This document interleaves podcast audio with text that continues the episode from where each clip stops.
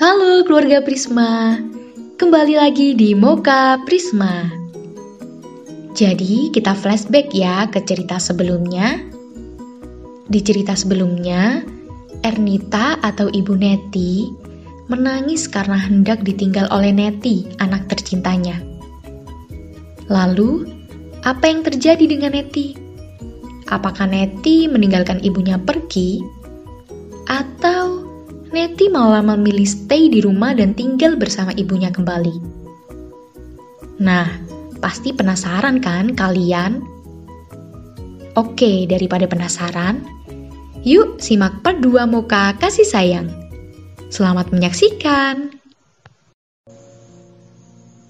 Ibu tidak ingin kamu mengalami nasib seperti yang ibu rasakan dulu, nak.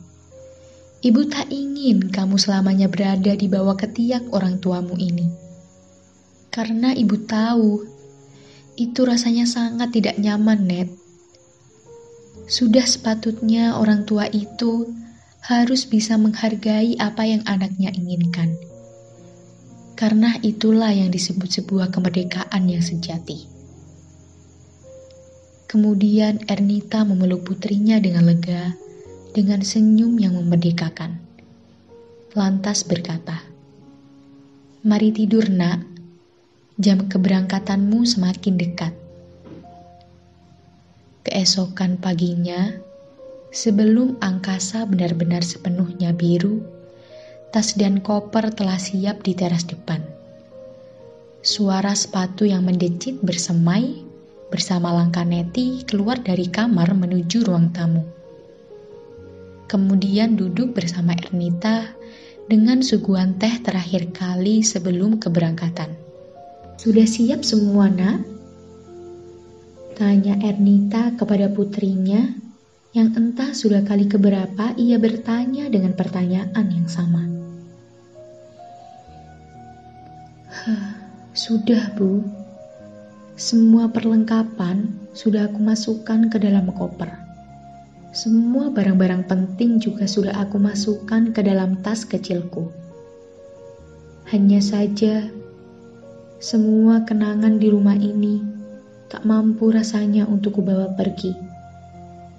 Terlalu banyak. Sepertinya tidak akan cukup dimasukkan ke dalam koper, walau harus terus mengeluarkan semua baju dan perlengkapanku yang lain. Tarikan napasnya terdengar bersama sepasang pupil mata yang menyusuri sudut-sudut ruang tamu. Seolah berharap menemukan kisah manis yang bisa dibawa pergi.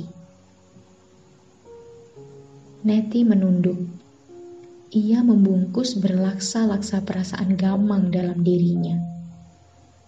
Di satu sisi, ia memiliki beban moral untuk menjadi wanita seperti yang ibunya inginkan. Wanita yang terbang bebas dan melihat dunia tanpa harus ada bayang-bayang dari orang tua. Namun di sisi lain, ia sulit meninggalkan wanita yang paling dihormatinya itu. Berat rasanya untuk meninggalkan seseorang dengan beribu kenangan dan belaksa cerita yang telah didengar darinya. Ia berusaha meneguhkan hati, menarik nafas panjang, menghirup semua suka dan duka, kemudian menghembuskan semua ketakutan itu. Dirinya sudah siap, dirinya mampu menghadapi semua ini. Begitupun dengan ibunya tidak semua hal yang menyakitkan akan membawa diri kepada suatu yang buruk. Justru, semua kesakitan itu adalah benih dari segala kesuksesan insan di masa depan. Bu, aku sudah siap. Aku benar-benar siap. Tegasnya setelah beberapa waktu dirinya terdiam. Ernita tersenyum. Ia yakin sepenuhnya kepada anak semata wayangnya itu. Ia sadar bahwa Neti adalah satu-satunya kenangan yang tersisa dari almarhum suaminya. Ia tahu betul dengan semua risiko yang akan dihadapi tentang sebuah kemungkinan kehilangan untuk kedua kali. Tapi itu semua adalah bentuk sebuah keegoisan diri. Ernita berusaha membuangnya jauh-jauh.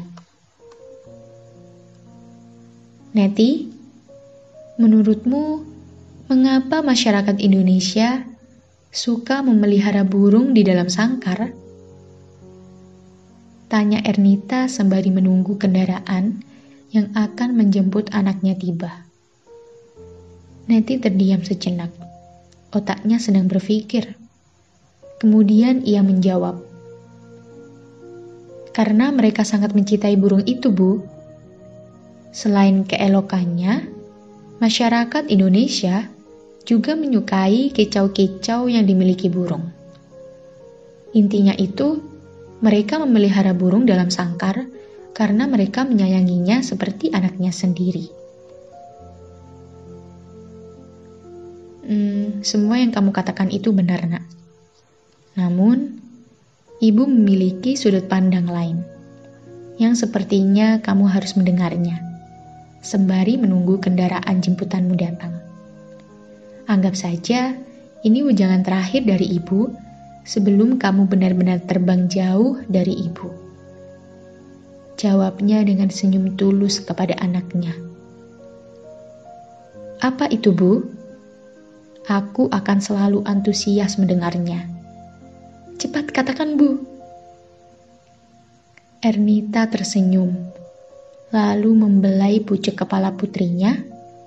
Kemudian ia melanjutkan wejangan terakhir itu.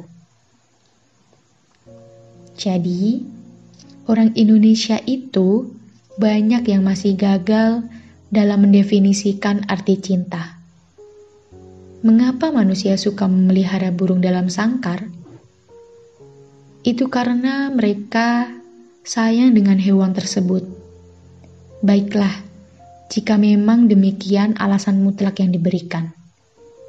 Namun, itu bukan sebenar-benarnya rasa sayang, Nak. Itu hanyalah pelampiasan dari ego manusia. Karena pada faktanya, burung tersebut harus memberikan kebahagiaan, kesukaan, keindahan, kenikmatan, dan kenyamanan kepada sang pemiliknya. Semua upaya perawatan yang dilakukan sang pemilik burung hanyalah sebuah properti tanpa sedikit pun merasa peduli tentang betapa menderitanya seekor burung. Yang bahkan tidak bisa mengepakkan sayapnya di dalam sangkar. Tentang betapa menderitanya burung yang sejak lahir ada di dalam sangkar. Ia tak pernah mengenal bagaimana rasanya bebas Hal demikian pula yang terjadi pada kebanyakan orang tua, Nak, yang selalu memaksakan anak untuk selalu mengikuti semua keinginan orang tua, tanpa peduli apakah sang anak merasa nyaman dengan semua keinginan dari orang tuanya. Itu bukanlah bentuk dari sebuah rasa sayang. Itu justru lebih cocok jika disebut dengan keegoisan orang tua kepada anak. Sama halnya seperti burung yang dikurung dalam sangkar. Demikian juga anak yang selalu ada dalam kungkungan orang tua. Mereka akan memiliki sedikit sudut pandang. Selalu manja dan tidak menjadi bijaksana dalam memutuskan banyak hal dan ibu tidak ingin jika anak ibu tergulung dalam sangkar hingga dewasa nanti.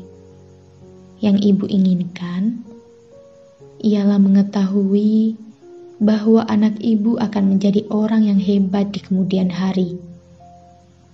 Karena pengalamannya terbang bebas di samudra kehidupan. Jatuh bangun di terpa ombak terombang-ambing, dihantam badai, bertemu makhluk ganas di lautan, digerogoti sinar matahari yang menyengat, dan banyak hal lainnya yang akan kamu temui. Semua pengalaman itu yang akan kamu bawa menuju kemudian hari, di mana kamu telah dewasa dan menjadi bijaksana dalam melakukan segala tindakan. Ernita tak kuasa menahan tangis, seolah semua beban hatinya terangkat. Wejangan itu telah dioralkan secara utuh. Semoga Neti dapat memahaminya meskipun bukan sekarang, setidaknya kelak di kemudian hari.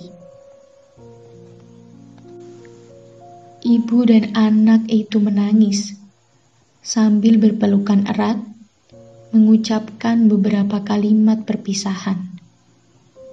Hingga akhirnya mobil jemputan itu datang, memaksa memisahkan mereka untuk waktu yang entah kapan bisa kembali berkumpul bersama lagi.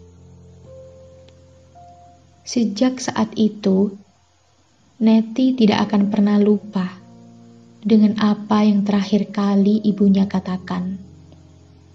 Ia akan melihat dunia yang lebih luas, melanglang buana ke seluruh penjuru dunia, tanpa ada kekang yang membungkam di setiap jalan tempatnya melangkah.